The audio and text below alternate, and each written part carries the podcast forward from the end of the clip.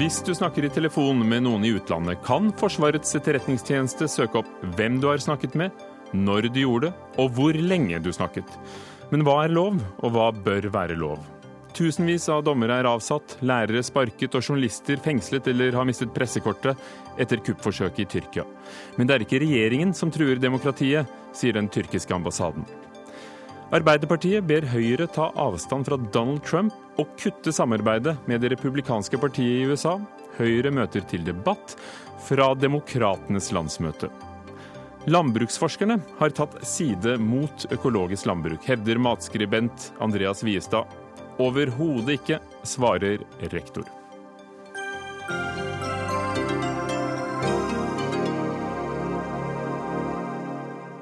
Og det skjer her i Dagsnytt 18 i dag med Ugo Fermariello i studio. Velkommen. Hvis du snakker i telefon med noen i utlandet, kan altså Forsvarets etterretningstjeneste søke opp hvem du har snakket med, når du gjorde det, og hvor lenge det pågikk. Etterretningstjenesten kan altså ikke høre hva du sier, men de kan se på de såkalte metadataene fra nordmenns kontakt med personer i land som er i E-tjenestens søkelys. Både på telefon, e-post og sosiale medier, skriver Aftenposten i dag. Elbjørg Løver, du leder Stortingets kontrollutvalg for etterretnings-, overvåknings- og sikkerhetstjenesten, altså EOS-utvalget. EOS-utvalget har nå bedt Stortinget vurdere om dette er lov. Hvorfor det? Ja, ikke bare det, men vi har bedt om at eh, Stortinget ser på om E-loven, som er 20 år gammel, er på høyden med det lovgrunnlaget som E-tjenesten trenger i dag for å gjøre oppgaven sin. Så det er flere ting vi har bedt de vurdere. Når det gjelder dette med at Etterretningstjenesten har tilgang til metadataene fra elektronisk kommunikasjon, hva er det de kan se? Hva er det dere har funnet ut i rapporten deres? Altså, E-tjenesten skal ikke på fordekt måte eller annen måte innhente informasjon om norske nordmenn i Norge. Og det er det, eh, det er det, som ligger i disse metadatene. Og hvor de søker i de metadatene om informasjon, så kan de altså komme borti informasjon om norske nordmenn i Norge, og det er ikke deres oppdrag. Ble du overrasket da du oppdaget denne praksisen? Nei, altså vi har sett på metodebruken til E-tjenesten over tid. Og EOS-utvalget mente at det nå var på tide å be Stortinget se på helheten i de prinsippene som gjelder for bruk av informasjonen som E-tjenesten innhenter. Så, så, helt konkret, hvilken lov er det det kan være da at de bryter det, det Stortinget skal ta stilling til? Altså E-loven er metodenøytral, som det heter. Den sier ikke hvilke metoder E-tjenesten kan bruke for å innhente den informasjonen de trenger, og hvordan de kan bruke den i forhold til PST, hvor metoden er veldig regulert. Og teknologien og menneskenes måte å forflytte seg på, terrorisme og alt, har liksom endret dette bildet fra E-loven ble vedtatt på 90-90-tallet til i dag. Og Derfor mener vi at det er en demokratisk fornuftig tidspunkt å få en debatt om dette nå. Om E-loven er dekkende ikke for at de skal opp ikke, ikke, ikke, for at vi stiller spørsmål ved det målet de skal oppnå, men metodene de bruker for å innhente informasjonen og bruke den. Vi har selvfølgelig spurt Etterretningstjenesten om å komme, men de ønsket ikke å stille til debatt. Men eh, det har altså Forsvarsdepartementet gjort, eh, for eh, de er jo de politisk ansvarlige. Øystein Bøe, statssekretær for Høyre i Forsvarsdepartementet. Den informasjonen Forsvaret da innhenter, hva brukes den til? For det første så har jeg lyst til å si én ting i, i, forhold til det Løver var inne på. Og i forhold til det, den meldinga som EOS-utvalget har gitt til eh, Stortinget. og det er at Den meldinga retter ingen kritikk mot E-tjenesten. Og det tror jeg er viktig, for du, du, du sa mm. hvilken lov kan de ha brutt. Ja, og det, det sa hun jo at det er det, om. Det er viktig å ha med seg at dette er en, et spørsmål om uh, hvilket rettslig grunnlag man har. Og, og der er det utrolig viktig for E-tjenesten at de jobber på et rettslig grunnlag som befolkningen har tillit til. For hvis, hvis de skal ha troverdighet til den jobben de gjør. Og så hører vi det at e-lov, det handler om å si om e-loven er den loven vi trenger i dag, flere tiår etter at den kom. Ja, og det, det, er ikke vi uenig i. Det er en lov som er nesten 20 år gammel. Det har skjedd, som Løver også sier, en voldsom teknologisk utvikling, og også en voldsom utvikling i det vi kan kalle for trusselbildet. Så den informasjonen de nå kan finne, som ikke fantes på 90-tallet, for vi fløy ikke rundt med sosiale medier og mobiltelefon og e-post, hva bruker de den til?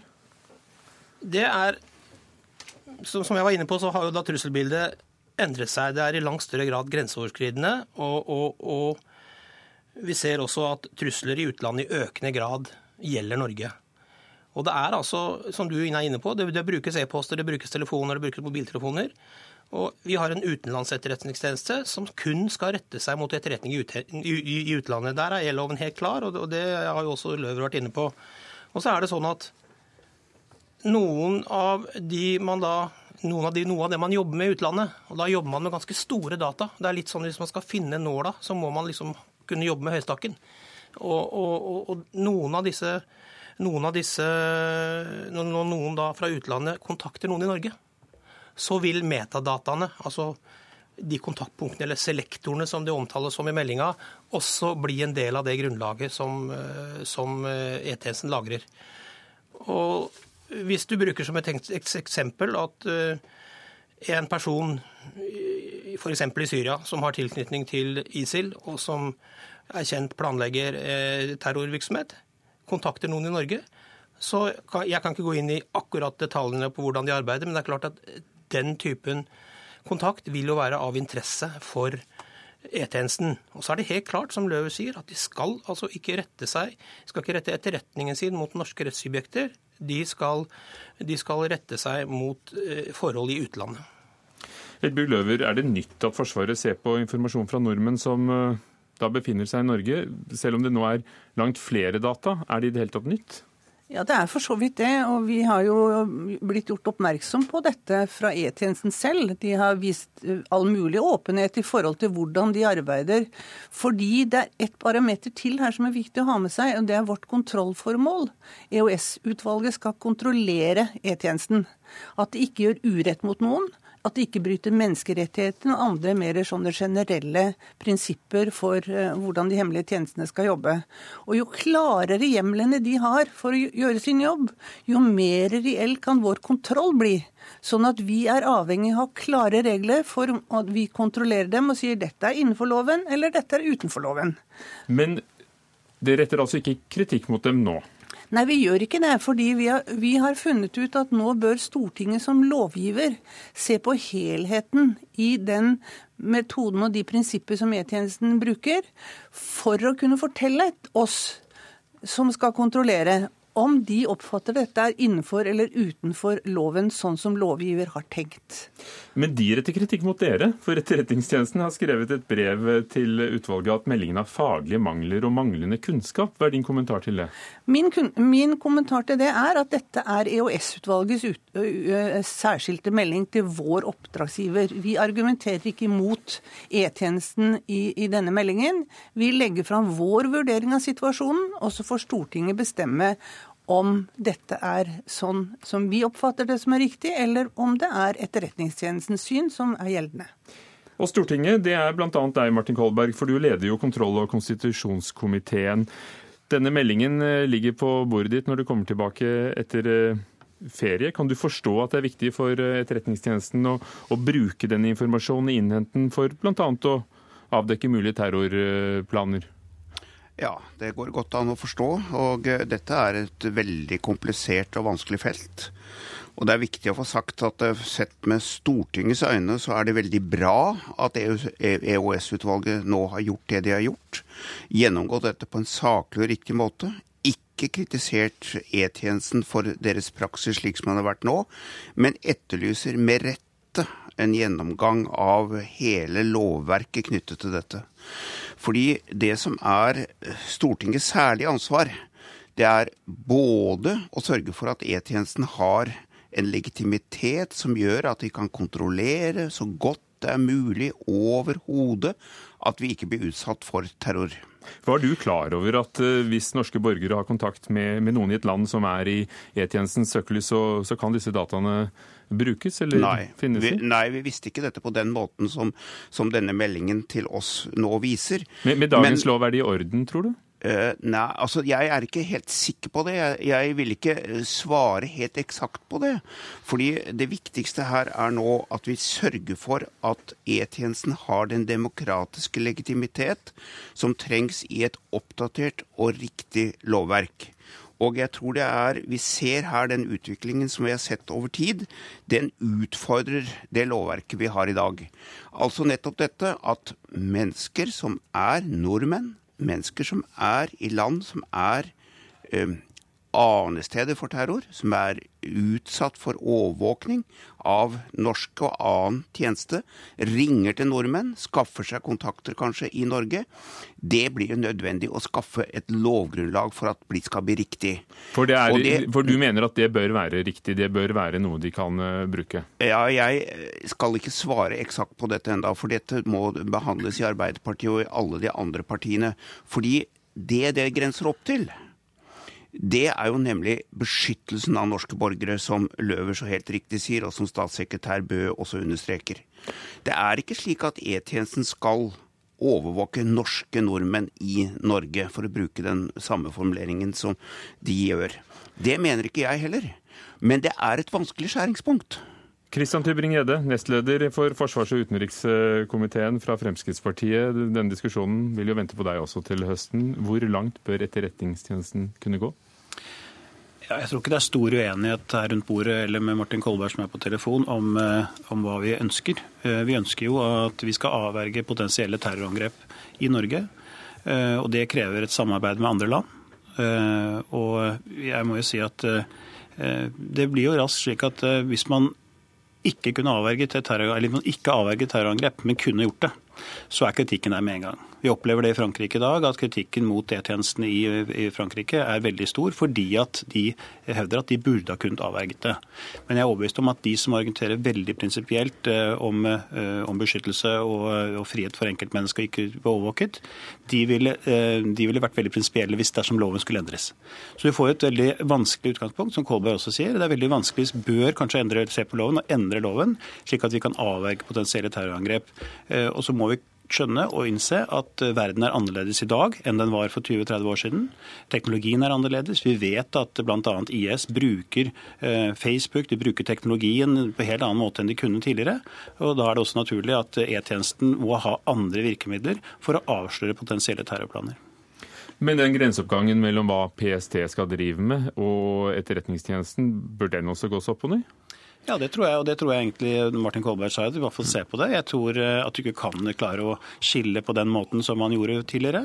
Det er eh, når man har kontakt med utenlandske eh, kilder og er i Norge, så det er klart at da må man ha muligheten for å, å få tak i det. Og, og, da gjelder jo egentlig slik som amerikanerne er flinke til, nemlig såkalt profiling. At istedenfor å overvåke fem millioner, potensielle fem millioner nordmenn, så må man selvfølgelig være i stand til å prøve å finne miljøer hvor det er potensial, eller tilfellene er mer sannsynlige for at eh, terror kan finne sted. Det er helt åpenbart. Kan det være at dere finner ut i diskusjonene, eh, Martin Kolberg først, at, eh, at Etterretningstjenesten har gått, gått, lenger enn det i hvert fall dere i Stortinget så for dere at de kunne? Det finnes en mulighet for det, men jeg svarer ikke entydig ja. Og Grunnen til det er at EOS-utvalget ikke kritiserer e- E-tjenesten. De sier ikke at E-tjenesten har gjort noe galt, de bare peker på dette betydelige dilemmaet. Og det syns jeg som sagt er veldig bra. Og jeg vil understreke også noe som Løver sa, som er viktig for denne legitimiteten og demokratiets kontroll med, med våre hemmelige tjenester. Og det er jo at de skal være kontrollmulige. Altså Det skal være et lovverk som, som EOS-utvalget har base for i sitt arbeid, og som er så klart at EOS-utvalget sier dette er greit, dette er ikke greit. Og det er den kontrollen den tjener også alle hemmelige tjenester på. I den grad de ikke har det i demokratiske samfunn, så kommer vi opp i store problemer, og det svekker også arbeidet mot terror. Og som sagt, De hemmelige tjenestene har gjort seg litt hemmelighetsfulle her i dag også, som de ikke ville stille. Men de skriver da i dette brevet til EOS-utvalget at dersom denne muligheten for å søke informasjon mellom Norge og utlandet forsvinner, vil det få alvorlige konsekvenser for å drive kontraterror, støtte til cyberforsvar og arbeide mot spredning av masseødeleggelsesvåpen. Hvis praksisen viser seg å være ulovlig, Øystein bør i hvert fall stride mot den loven vi har i dag, da vil vi vel sitte med et stort dilemma? Eller dere? Det er klart at det vil bli krevende for E-tjenesten med den teknologien vi har i dag, hvor, hvor det aller meste av kommunikasjonen skjer nettopp i, i, over de uh, telefon osv. Uh, men det er jo, som, som vi var inne på, det er jo ikke snakk om at de har brutt noen lov. Det er snakk om å få dette til Stortinget, slik at vi kan få et tilstrekkelig lovgrunnlag og få fastsatt hvordan E-tjenesten skal jobbe. Og, og, Det er, som også Martin Kolberg og Løver er inne på, utrolig viktig for E-tjenestens legitimitet. Og så er selvfølgelig menneskerettigheter og individets rettigheter de skal ivaretas, og de må ivaretas. Det gjelder å finne balansen mellom det og å ivareta Norges sikkerhet ved at E-tjenesten kan bidra til å hindre terrorangrep i Norge. Er det en forskjell eh, prinsipielt eh, Tubring-Gjedde, på det å, å, se på disse metadataene, altså alt rundt kommunikasjonen og ikke selve innholdet i den? Ja, Det er jo det som, som, man diskuterer, og som kan være kontroversielt. Men jeg ser, hører jo nå at uh, alle er enige om at e-loven bør ses på nærmere for å avverge potensielle terror. Uh, terrorfare. Og det er åpenbart at, at, når alle partiene etter hvert er enige om det, så må man se på det. Så kanskje man får endret det, slik at EØS-utvalget kan se på det som er relevant. og så E-tjenesten vet hva de skal forholde seg til, og EØS-utvalget vet hva de faktisk skal kontrollere. Elbjørn Løve, som leder av EOS-utvalget. Her har du hørt Forsvarsdepartementet, Fremskrittspartiet og Arbeiderpartiet. Hva tenker du om eh, den mottagelsen meldingen deres kommer til å få? Nei, jeg tror, jeg tror, vi har gjort det riktige i det at vi stiller spørsmål til de som er vår oppdragsgiver, nemlig Stortinget. Vi skal ikke bruke skjønn i utvalget på om eh, E-tjenesten gjør det rett eller galt. Det skal det, grunn, det lovmessige grunnlaget fortelle oss. Det skal ikke være opp til vårt individuelle skjønn. For i fortiden så har vel Norge brent seg på å ikke ha nok kontroll på hemmelige tjenester? Jo, men altså Vi skal ha en demokratisk kontroll på de hemmelige tjenestene. Og det er faktisk bare EOS-utvalget som ser disse hemmelige tjenestene så intenst i kortene som vi gjør. Og når vi da skal melde til Stortinget, så må vi vite at den kontrollen har vi gjort på et reelt grunnlag, på et lovmessig riktig grunnlag, og det er det vi søker å få med denne meldingen. Takk skal du ha.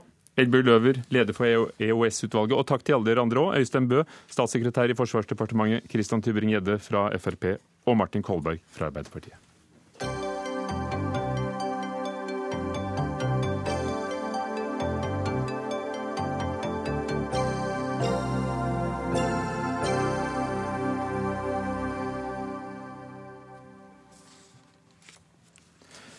Det er umulig å debattere økologisk eh, landbruk uten å bli angrepet. Det mener matskribent og grunnlegger av Geitmyra matkultursenter og, mye annet, Andreas Wiestad. I en kronikk i Dagbladet tidligere i sommer får både media og Norges miljø- og biovitenskapelige universitet gjennomgå for at vi har en debatt som går i svart og hvitt når det gjelder økologisk mat og økologisk landbruk. Andreas Wiestad, hvilke reaksjoner har du fått etter kronikken din? Ja, aller først så vil jeg si at det, eh, det med å diskutere mat er utrolig viktig. fordi hvordan vi lager maten vår har enorm betydning for miljøet vårt, for eh, helsa vår.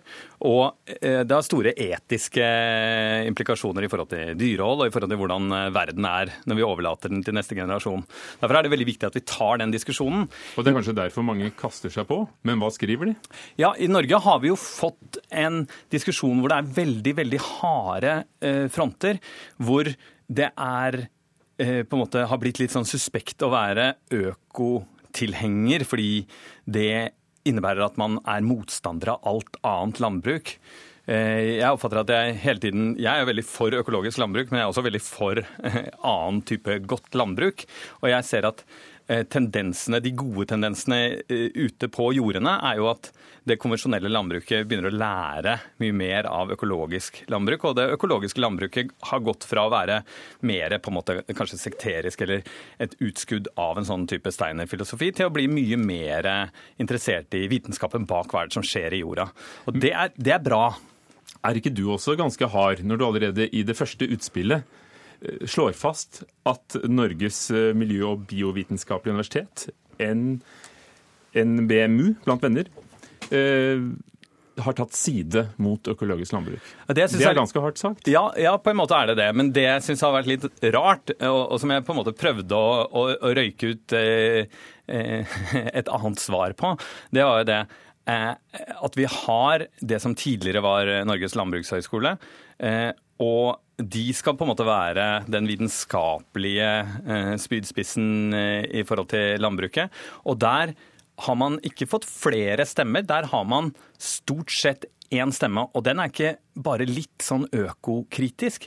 Der er de tingene man hører er, er, ikke sånn ja, vi er ikke helt sikre på om, om dette er, er, teknikker som kan brukes over alt type landbruk. Nei, man sier sånn å være tilhenger av økologisk landbruk, det er som å være motstander av mobiltelefon. Eller det er som å ville melde seg inn i en Amish-sekt på 1800-tallet. Altså Den type ting. Da blir det litt lite spillerom for å diskutere hva økologi er, hvordan vi skal få et eh, bedre landbruk hvor eh, også det konvensjonelle landbruket kan bli bedre. Og da er det så viselig innrettet at rektor ved Norges miljø- og biovitenskapelige universitet, den tidligere Landbrukshøgskolen på Ås, sitter her, Mari Sundli Tveit.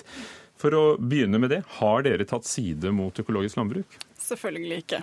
Men taler dere med bare én stemme? Nei, det gjør vi heller ikke.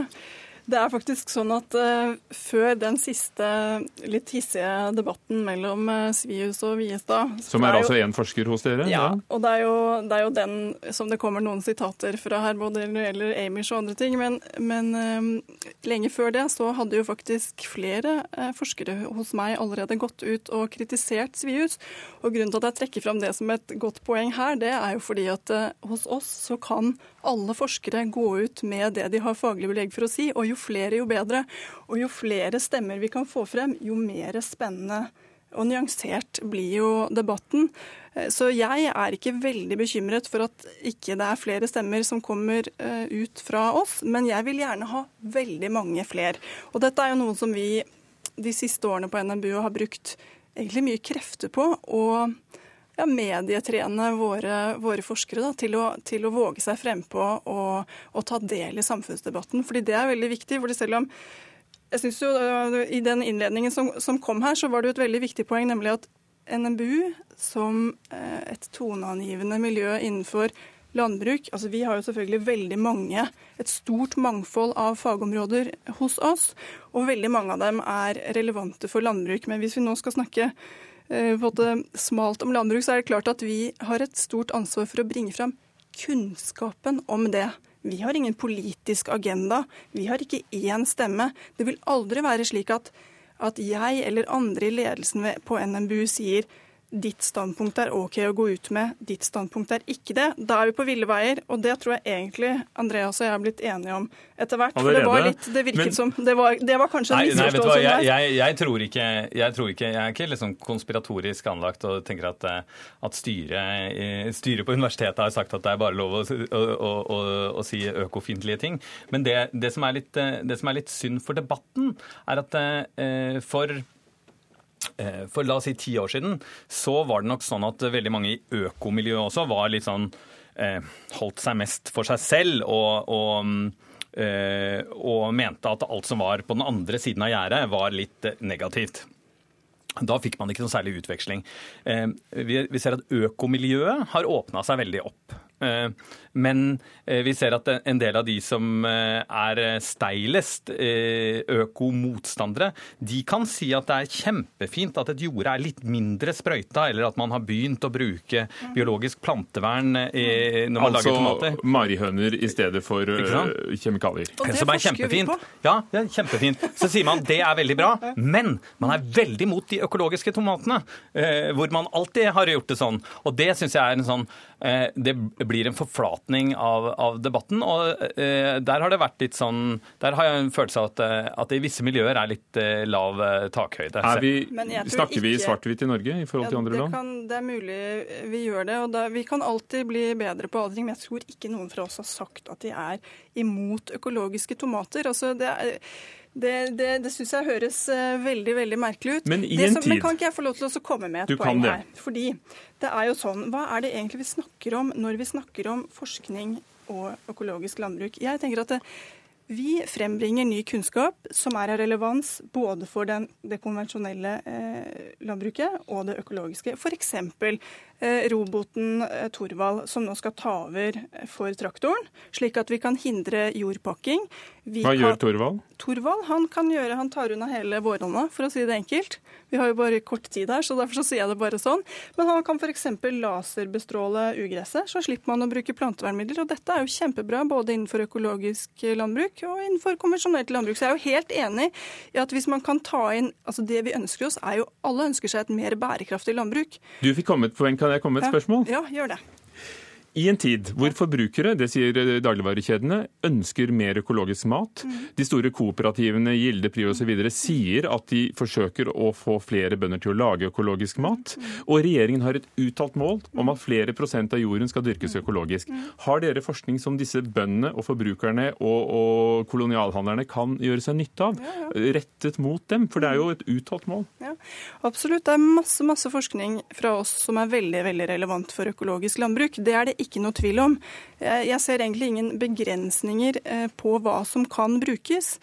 Eh, og her om dagen så var det jo et nytt oppslag hos oss på hvordan man i mer, i mer kommersiell sammenheng kan bruke f.eks. Eh, varmt vann for å kvitte seg med med, med ugress. Vistad. Ja, altså jeg, jeg syns også det er en annen, en annen tendens er jo at enhver diskusjon som handler om eh, økologi, blir en metadiskusjon. Både om hvem som sa hva, men også i det tilfellet Nei da, vi har hatt diskusjoner om eh, det er sunnere eller ikke sunnere, mer eller mindre miljøvennlig. Vi har det også. Eh, men, men det, er, det, er, i hvert fall interessant at for oss som kommer inn i det, og som privært er opptatt av mat, og også opptatt av den maten vi lager skal, eh, skal på en måte henge sammen med eh, naturen. Der ser vi i hvert fall at eh, veldig mye av de økologiske produktene som er på markedet, de er veldig bra fordi de rett og slett smaker kjempegodt, og at i den grad det er kjøtt, eller i den grad det er kjøtt, så er det jo eh, produsert på en veldig forsvarlig måte. Og det er veldig glade nyheter. Men du er jo et dyrkende menneske selv.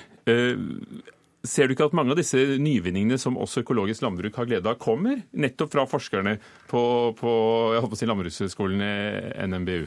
Jo, jeg, jeg tror at, at, eh, landbruket, enten det er økologisk eller konvensjonelt, jo, eh, er jo en, i en særstilling ved at de har glede av både den, de testingene som skjer på jorder, på bondegårder, og den praksisen som er, og det, den forskningen som skjer på universitetet. Og da er det veldig viktig å lytte, eh, at, eh, lytter, at man lytter til universitetsmiljøene, men også at man har direkte kontakt også med de som driver økologisk, for der skjer det masse nyvinning. Det jeg kunne godt tenke meg å avslutte denne debatten med, det er rett og slett å invitere Viestad til en eh, økologisk drømmedag på NMBU. For da kan han få masse, et godt inntrykk av hva vi har å by på, og så kan vi bli gode talsmenn sammen etterpå. Takk skal dere ha, begge to. Mari Sundli Tveit, rektor ved NMBU, og Andreas Viestad, matskribent og grunnlegger av Geitmyra matkultursenter.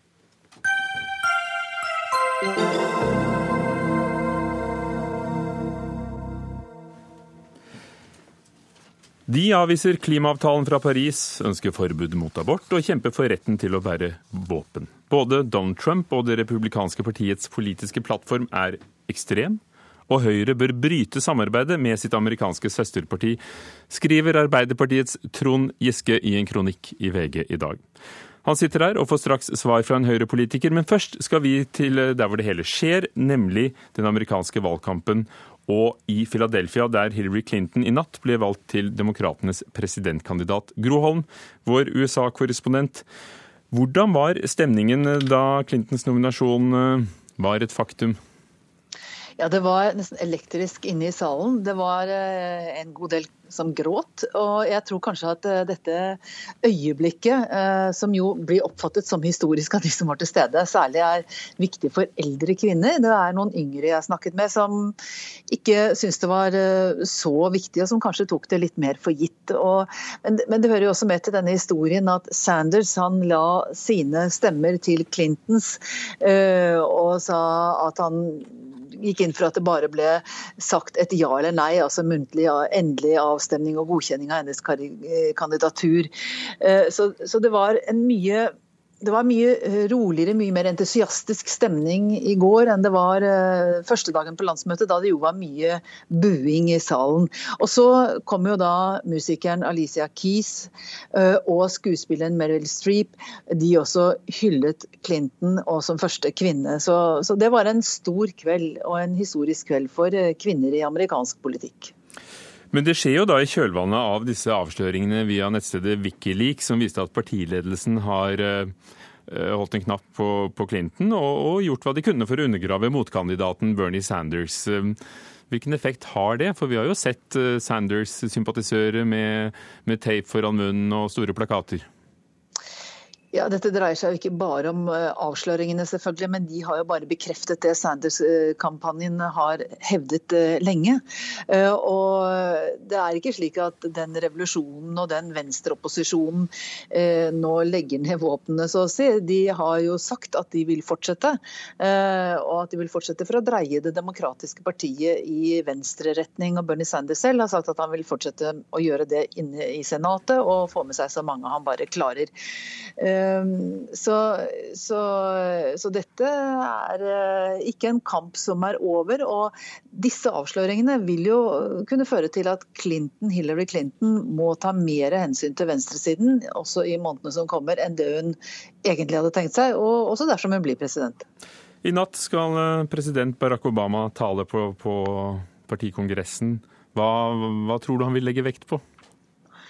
Jeg tror han legger vekt på at han er helt uenig med Trump i den svartmalingen av det amerikanske samfunnet som han leverte i sin takketale eh, på republikanernes landsmøte i forrige uke.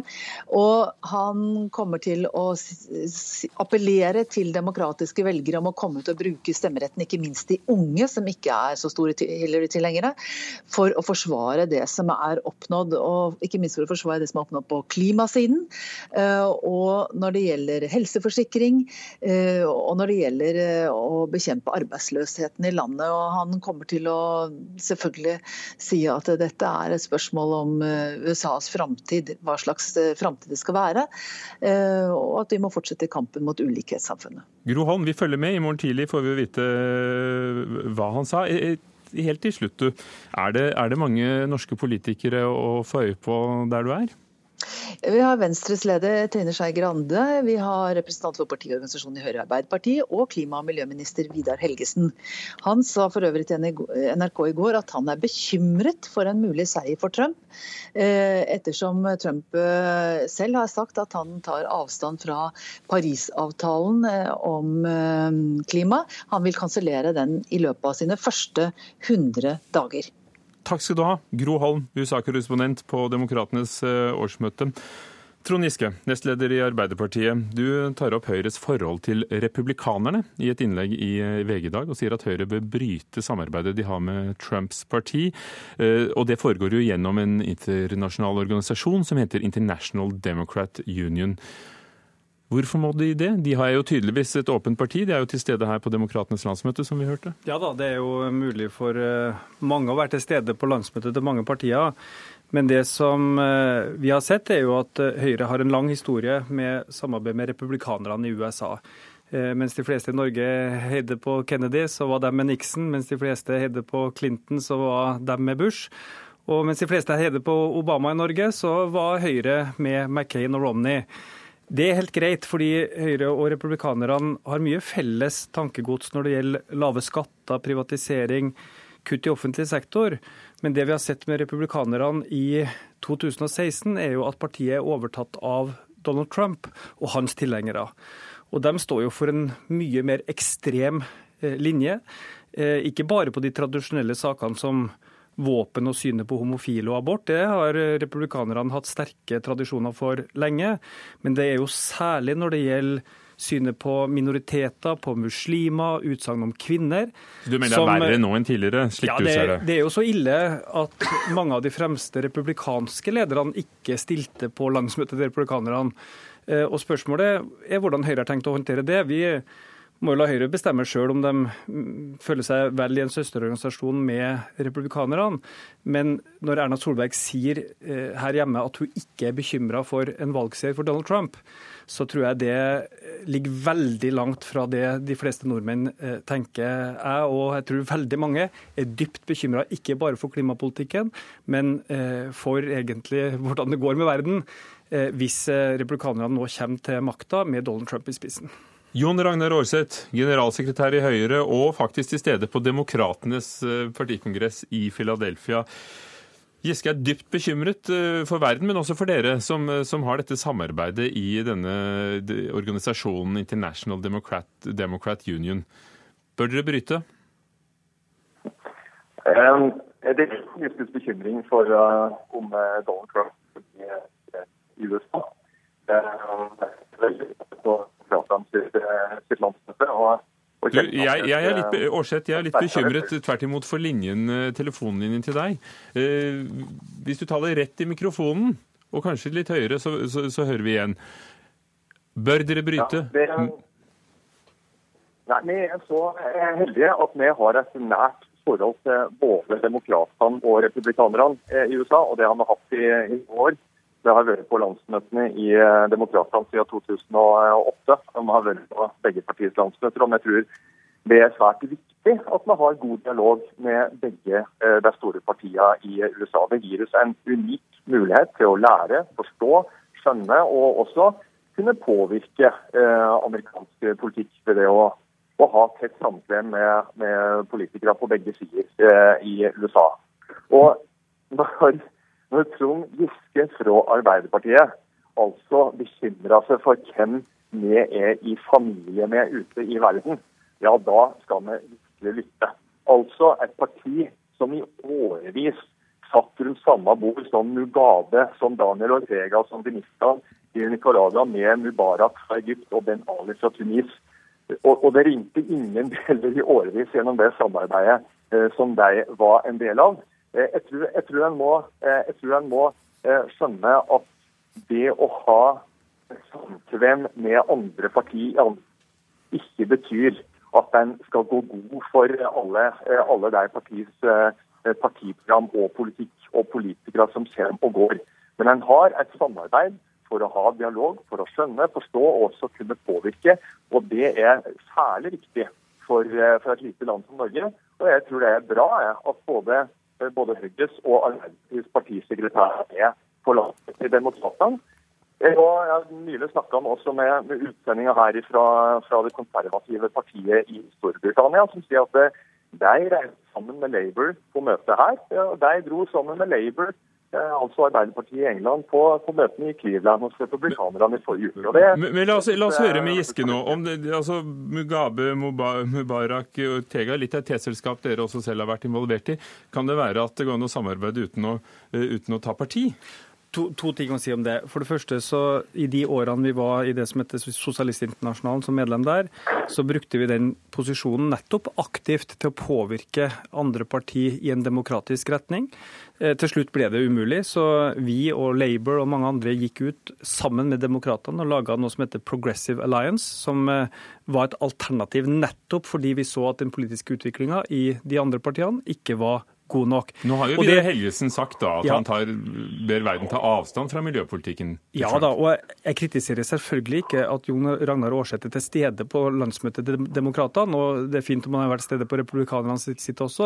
Altså, Det å snakke sammen, det å påvirke, det å samarbeide, er på den måten er jo det land driver med hele tida. Vi samarbeider jo med land, snakker med statssjefer og partier rundt omkring i verden som står veldig langt fra det vi sjøl gjør. Men det er jo ikke det eh, Høyre gjør. Høyre er i en felles organisasjon med en felles plattform og felles verdier og mål. Eh, Og Høyres kampanjesjef Dag Erik Solvang var sågar over og drev valgkamp for Marco Rubio, som også er en av disse Tea ekstreme kandidatene i det republikanske partiet. Da sa han til VG sitat jeg bryr meg ikke om hans politiske standpunkt. Det, det jeg bryr meg om, er å få mannen valgt. Og Det er en sånn holdning til den politiske retninga som republikanerne nå står for, som jeg mener er veldig naivt fra Høyre. Vi må få et mye tydeligere språk, ikke som eh, statsminister Solberg, som sier altså at hun er ikke bekymra for Donald eh, Trump. Eh, så det som nå er interessant, er vil Høyre ta dette for Det opp. viser seg at vi har mistet linjen til Aarseth, for vi vil gjerne høre hva han har å si til dette. Men det er ikke det at dere vil ha demokratene for dere selv, da? Nei, jeg tenker alle får velge sine venner rundt omkring i verden. Eh, Og vi har jo samarbeid med demokratene og Labour, og det var jo et veldig tett samarbeid mellom Blair og Clinton f.eks. Og vi har også hatt et tett samarbeid med bl.a. John Podesta, som nå er, er Clintons valgkampsjef, bl.a. på miljøpolitikken. Eh, Så det er bra at vi har kontakter, og det er bra at vi jobber sammen. Og jeg kritiserer ikke at Høyre og republikanerne står sammen om skattekutt eller privatisering eller kutt i velferd. Selvfølgelig går republikanerne mye lenger enn? Høyre. Men det jeg, det jeg kritiserer, er at vi ikke hører en tydelig høyrestemme mot dette ekstreme synet som Donald Trump står for. Jon Ragnar Aarseth, nå er du tilbake på tråden. Eh, Kort fortalt så mente Giske at det er jo det formaliserte samarbeidet, ikke det å snakke med eller være til stede på landsmøter, eh, som er noe problem. Men er det nødvendig å, å være med og hjelpe til i valgkampen uh, som har skjedd? Er det ikke det formelle samarbeidet som kan bli et problem? Når, når, når som deres egen partipolitiker Helgesen sa, at dere er jo ikke på linje politisk? Nei, For tida så har republikanerne i USA eh, gått, i en, gått, i en, retning som har, som har fjerna seg eh, betydelig fra det som er mer eh, tradisjonelt sentrum-høyre-politiske ståsted her i Europa. Det har alltid og lenge vært stor forskjell på amerikansk og europeisk politikk. Eh, amerikansk politikk ligger mange mange hakk til høyre for, for norsk politikk. For når sant så sier, så står du kanskje nærmere demokratene republikanerne, eller hva? Ja, For tida så er det ingen tvil om det. Jeg kjenner meg politisk eh, mer hjemme her enn eh, enn hos eh, republikanerne. Men, men, det betyr ikke at vi eh, bryter et, eh, et samarbeid som, som vi har hatt over mange år. Det har verdi å møtes og utveksle ideer og erfaring, og for vår del også søke opp Men må dere være medlem i samme klubb, var spørsmålet. Ja, altså Arbeiderpartiet jo, har jo heller ikke løsrevet seg fra eh, Sosialistinternasjonalen. Det er fortsatt observatører, og, og begrunna vel det med at de fortsatt ønsker å påvirke Eh, påvirke søsterpartier rundt i Europa, eh, rundt i verden. Der gir vi en sluttreplikk til eh, Giske. Jon Ragnar Aarseth, jeg må avbryte deg der, fordi vår tid er knapp. Men altså, du får en sluttreplikk. Vi har altså meldt oss ut av Sosialistinternasjonalen, og vi føler oss mer hjemme med demokratene i en felles organisasjon. For det er fagbevegelsens parti, det er kvinnebevegelsens parti, det er miljøbevegelsens parti, og Høyre står fast på sitt søsterskap med republikanerne. Det syns vi er rart. Takk. Trond Giske fra Arbeiderpartiet, Jon Ragnar Aarseth, generalsekretær i Høyre. Beklager, vi kom ikke lenger.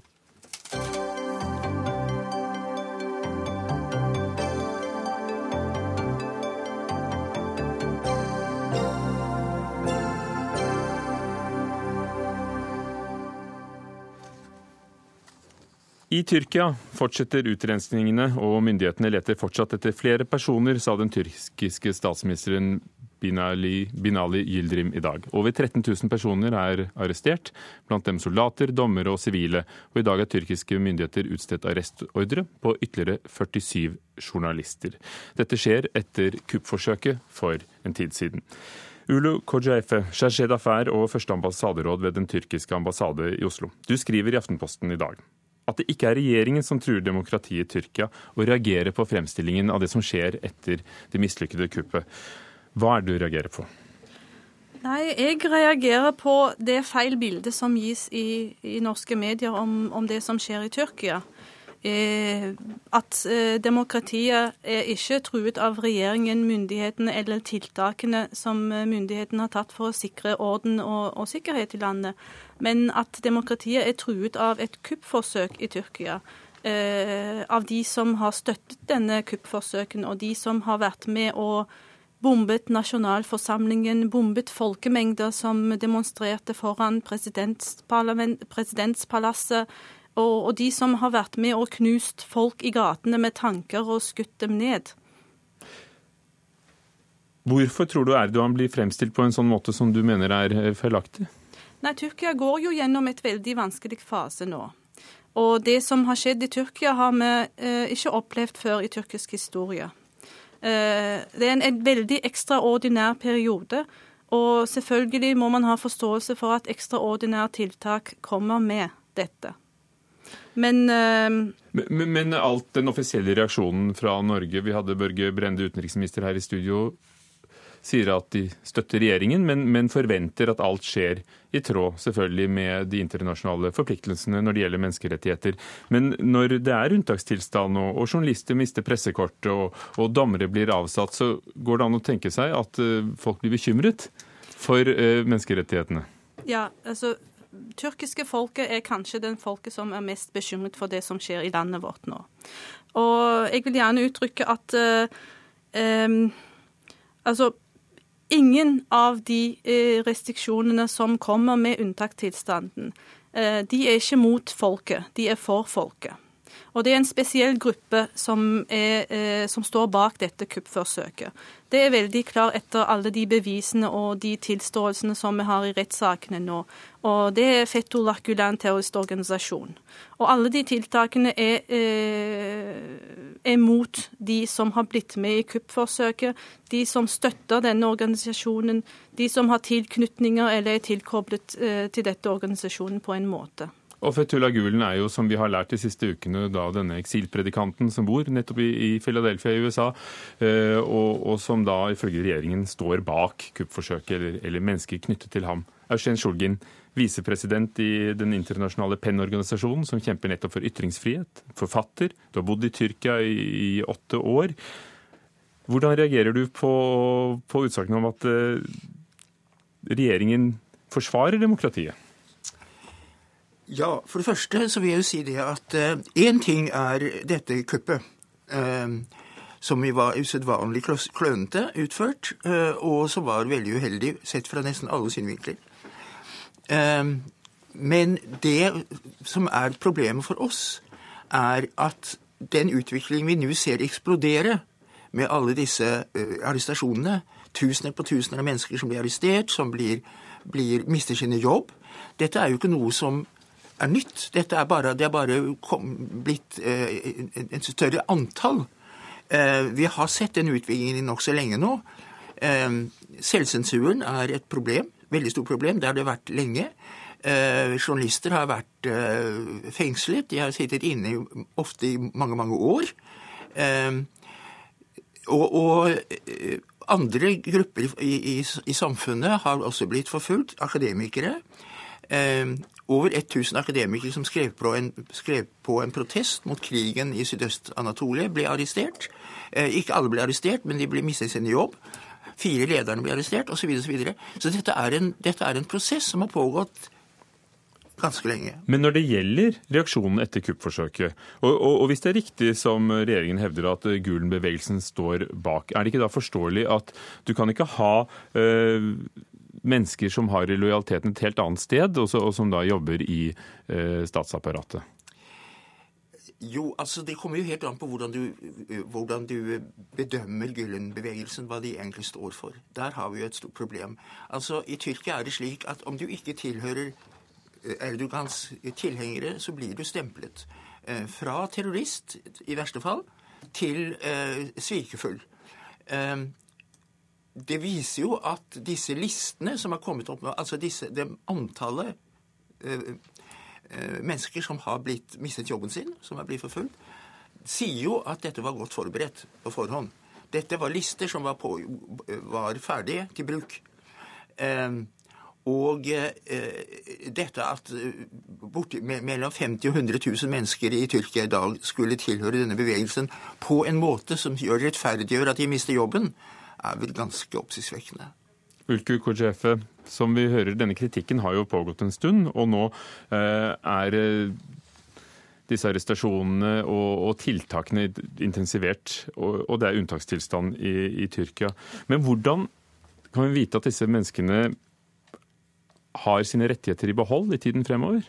Ja, De har sine rettigheter, men først av alt så vil jeg gjerne understreke at ingen land kan godta at en del av militærstyrkene kommer og vil ta over en folkevalgt regjering. Men dommerne? Det, det Nesten 3000 dommere det, altså? dette går ikke. Men spørsmål, altså, jeg synes at spørsmålet må ikke være om det er nødvendig for å foreta en opprensning, men hvordan dette skal gjøres.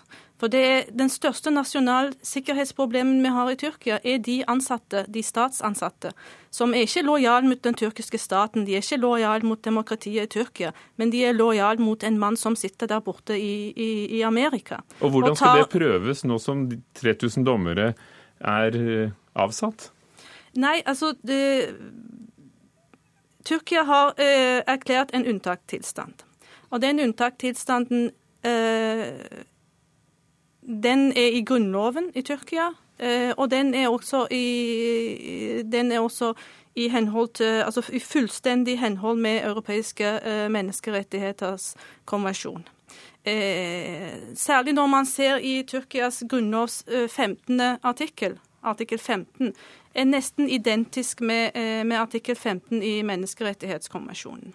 Så det er ingen eh, unntakstilstanden er noe som brukes av mange land. Eh, sist har vi sett det med Frankrike, vi har sett det i Belgia, eh, med Tyskland. Eh, så det er ikke noe bare Tyrkia bruker. Det brukes i ekstra perioder når man har store sikkerhetsproblemer, nasjonale sikkerhetsproblemer, og det er akkurat det som skjer i Tyrkia. Når det gjelder eh, hvordan rettighetene til disse menneskene skal forbevares, da må man bare tenke på eh, at eh, først av alt Tyrkia har, et, Tyrkia har hatt et veldig lang eh, historie, lang og omfattende historie med, eh, med europeiske menneskerettsdomstolen. Eh, store erfaringer. Så, så, du vil forvisse oss om at Ja, altså tyrkiske byråkrati, tyrkiske domstoler har lært mye av det i de siste. Eh, og nye lover har kommet inn i Tyrkia, demokratisering har tatt full plass. Og det som unntakstilstanden som har kommet ut, den eh, begrensner bare rettighetene i i, i, spesifikke måter. Ikke, altså, rettighetene begrenses ikke full. Som, Vi må gi ordet til ja, en sluttreplikk. Bare, bare, bare, veldig kort. Vel, veldig kort. Altså, eh, man, kan, eh, man kan gå til rettssaker, man kan klage de til, med de tiltakene. Eh, individuelle, individuelle rettskrav til konstitusjonelle domstolen, den gjelder fremdeles. Eugen Sjolgin. Ja. Du hører hva som blir sagt. Og, og, vi har jo sett støtten i den tyrkiske befolkningen. Og ambassaden uh, er nedrent av blomster her i Oslo etter kuppet. Jo, men altså kuppet er det vel ingen, eh, verken eh, de sekulære eller de ikke-sekulære i Tyrkia, bortsett fra en liten gruppe som er bak kuppen, som, er, som, som støtter. Men her hører vi regjeringens talsmann si at menneskerettighetene blir ivaretatt. Ja, og der sier jeg det er helt galt. Det er helt fullstendig feil. Menneskerettighetene har ikke blitt ivaretatt eh, i årevis, og de blir mindre nå enn noensinne. Faktum er at flere mennesker er, eh, er fengslet, er saksforfulgt enn i noe annet land i vår del av verden. Eh, Tyrkia er et land som blir forfulgt eh, hele tiden i, i Sikkerhetsdomstolen.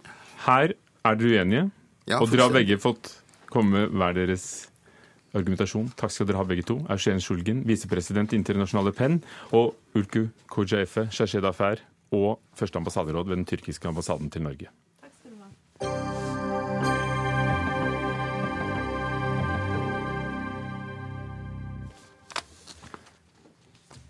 Leierboerforeningen krever regulering for å begrense bruken av korttidsleietjenester, som f.eks.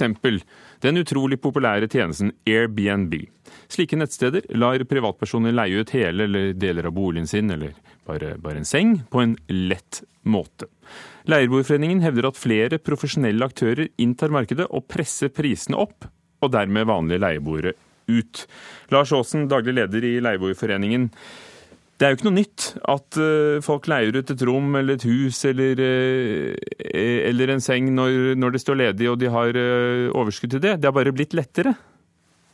Ja, og vi har for så vidt heller ikke noen problemer med selve dette prinsippet, altså delingsøkonomien, hvor man leier ut som du sier, et enkelt rom, eller man leier ut boligen sin for en kortere periode. Men erfaringene fra Europa og USA, hvor jeg har hentet inn en del opplysninger, det er at her er det etter hvert kommet mange kommersielle aktører. Og de kjøper opp leiligheter som de leier ut for Airbnb, ikke bare en uke eller to eller en måned, men for hele året. Og da får vi noe annet. Men det er jo ikke ulovlig? Det er ikke ulovlig. Men i Europa og USA så ser man at dette her går inn og får konsekvenser for leiemarkedet. Og de konsekvensene er at ordinære utleieboliger blir tatt ut av bruk, blir tatt ut av omløp og gjort om til Airbnb. Og det er problematisk, fordi at eh, det er jo i disse byene et stort press på leiemarkedet, og det er mange som trenger et sted å bo. Og Tall fra Innovasjon Norge som ble gjengitt i Dagens Næringsliv litt tidligere i år, viser at det var to millioner overnattinger formidlet via bare dette ene nettstedet, Airbnb. 200 eh, 000 brukere. Heidi Nordby Lunde, stortingsrepresentant eh, for Høyre, og du sitter i finanskomiteen. Skal det være fritt frem når det blir så stort? Nei, det er jo ikke fritt frem eh, i dag, men dette her er jo perfekt timing for eh, innspill fra, fra Leieboerforeningen. For regjeringa har jo satt ned et offentlig utvalg som skal se på hva vi trenger å gjøre for å møte delingsøkonomien. Ikke bare for utleie av boliger via Airbnb, men vi ser jo den samme debatten rundt, eh, rundt bl.a. Uber og mange av de andre tjenestene, både på skatt, på reguleringer og på hva gjør man da for, med rettigheter for, for tjenesteyter. For delingsøkonomi kan vi vel kalle det hvis, hvis du som privatperson leier ut et rom eller du reiser bort en stund. Men i den grad det kommer, som vi også hører, profesjonelle aktører, kjøper opp leiligheter, presser prisene opp både på, på kjøp og, og utleie? Mm. Ja, nå gir jo ofte økt konkurranse gir jo ofte lavere priser. Eh, men jeg tror både Leieboerforeningen og så så jeg også Norsk studentunion som var, var bekymra, kanskje tar sorgene litt på, på forskudd her. I Norge så er det snakk om da 7900 rom eller leiligheter som blir leid ut. Og gjennomsnittsinntekten for de som leier ut er rundt 20 000 i året eller noe i den dur. Og jeg tror nok for de aller fleste som ønsker seg inn på utleiemarkedet i Norge, så ønsker de nok faste, trygge leieboere som eh, betaler mer eh, i året enn dette. Du har kikket eh, Lars Aasen, på, på, tilbudet på dette nettstedet i Oslo og fant at om lag en tredel av eierne ga rabatt hvis man bodde i en måned eller lenger. Hvorfor er det problematisk? Det vil jo da gi nettopp mer stabilitet og større muligheter for å bli lenger. Det spiller ikke noen rolle om annonsen ses på det nettstedet eller i en avis eller på Finn? Nei, det gjør det ikke. Men det kan jo tyde på at uh, det er personer som ikke selv bor i boligen, som driver og leier ut når det er én måned eller lenger. Som tyder på at det profesjonelle innslaget i Norge også er uh, absolutt til stede, som det er over hele resten av verden. Uh, det som et, vi også har sett som et problem, og har fått referert fra USA, det er jo at vanlige leieforhold går over til å bli noe som ligner mer og mer på Airbnb. Altså det blir døgnovernatting for én måned, to måneder eller en annen periode. Og da har vi et stort problem. fordi at eh, da har jo ikke de som leier denne Airbnb-leiligheten noen rettigheter, slik som man har gjennom husleieloven, og som er veldig viktig. Det dreier seg om oppsigelsesadgang, hvordan leien skal økes, hvem som har ansvar for feil, mangler, vedlikehold og lignende. Altså det rettssystemet som er bygd opp rundt det å leie bolig, det finnes overhodet ikke på Airbnb. Og når vi i tillegg vet at mange av de som leier bolig, er svake, sårbare grupper som trenger stabile, trygge, gode boforhold, så blir dette en skummel utvikling hvis det kommer til Norge. Jeg har ikke sagt at det er her, men det kan komme, og vi har sett det i mange andre land. Og andre land har innført her i Nordby Lunde reguleringer, forbud, skattlegging. Ja, da, jeg har selv vært i New York og sett store plakater med, med Airbnbers go home, eller dere ødelegger boligmarkedet her. Men da sammenligner vi oss også med millionbyer som også har millioner av turister, hvor dette markedet er langt mer utvikla enn i Norge. Så jeg synes nok kanskje Leieboerforeningen eh, tar sorgene De har jo også langt flere boliger. Altså. Og, jo, men, eh, men presset er jo helt annerledes. De tar sorgene litt for, på forskudd. Men det de ber ber om her, er jo at myndighetene skal gå inn med regulering. Det er jo noe av det regjeringa har bedt dette utvalget se på. Så, det, så, der kommer man med et forslag. Eh, det andre er jo at eh, i Norge så har vi jo borettslag, og vi har, har gode, eh, god historikk på at borettslag også regulerer måten du kan få lov til å leie ut leilighet eller på kort tid eller lang tid i sitt eget borettslag. Det er ikke gitt at det er myndighetene som kommer til å være beste regulator. Det kan være at hvert fall på enkelte områder så, så løser dette seg selv i markedet. For Innovasjon Norge avdeling reiseliv er jo ikke bekymret. De sier at dette er et velkomment tilbud. Og, men, men, men mener dere i Høyre at, at, folk må få kunne gjøre hva de vil med boligen sin? Absolutt ikke, men det gjør man heller ikke i dag. Det vil man ikke gjøre i framtiden heller. Men så er det en litt forskjell på de som jobber med reiseliv, som ser dette som en mulighet for folk til å få helt unike reiseopplevelser, og kanskje også dra turistene litt lenger ut fra sentrum, hvor de kan bruke lokale kafeer og kulturtilbud som ikke tilhører uh, det sentrumsnære hoteller, men som er mer, mer lokale. Så der har vi nok en helt annen debatt, men dette ser vi altså på. Lars Aasen, de ser på det, men vil du helst bli kvitt det helt som fenomen? Korttidsleie? I gamle Nei. dager kunne man jo gå inn på Østbanen på romformidlingen og få privat innkvartering? Ja, altså akkurat den type utleie det tror jeg er veldig bra at det er blitt borte, og det tror jeg alle er enige om at det skal vi ikke ha. Men jeg er heller ikke mot eh, Airbnb i den tradisjonelle formen, hvor man som en person har et ekstra rom eller leier ut en bolig for en kortere periode. For all del, delingsøkonomien er der, og den skal ikke jeg legge noe eh, jeg har ikke noe ønske om å bli kvitt. Men Du, det, altså det mennet må vi ta neste gang. Vi har hørt dere begge to. Takk skal du ha. Lars Aasen i Leieboerforeningen og Heidi Nordby Lunde fra Høyre. Finn Lie var teknisk ansvarlig. Ingebø Sæbu, produsent for Dagsnytt 18. Programleder var Ugo Fermariello. Takk for i dag.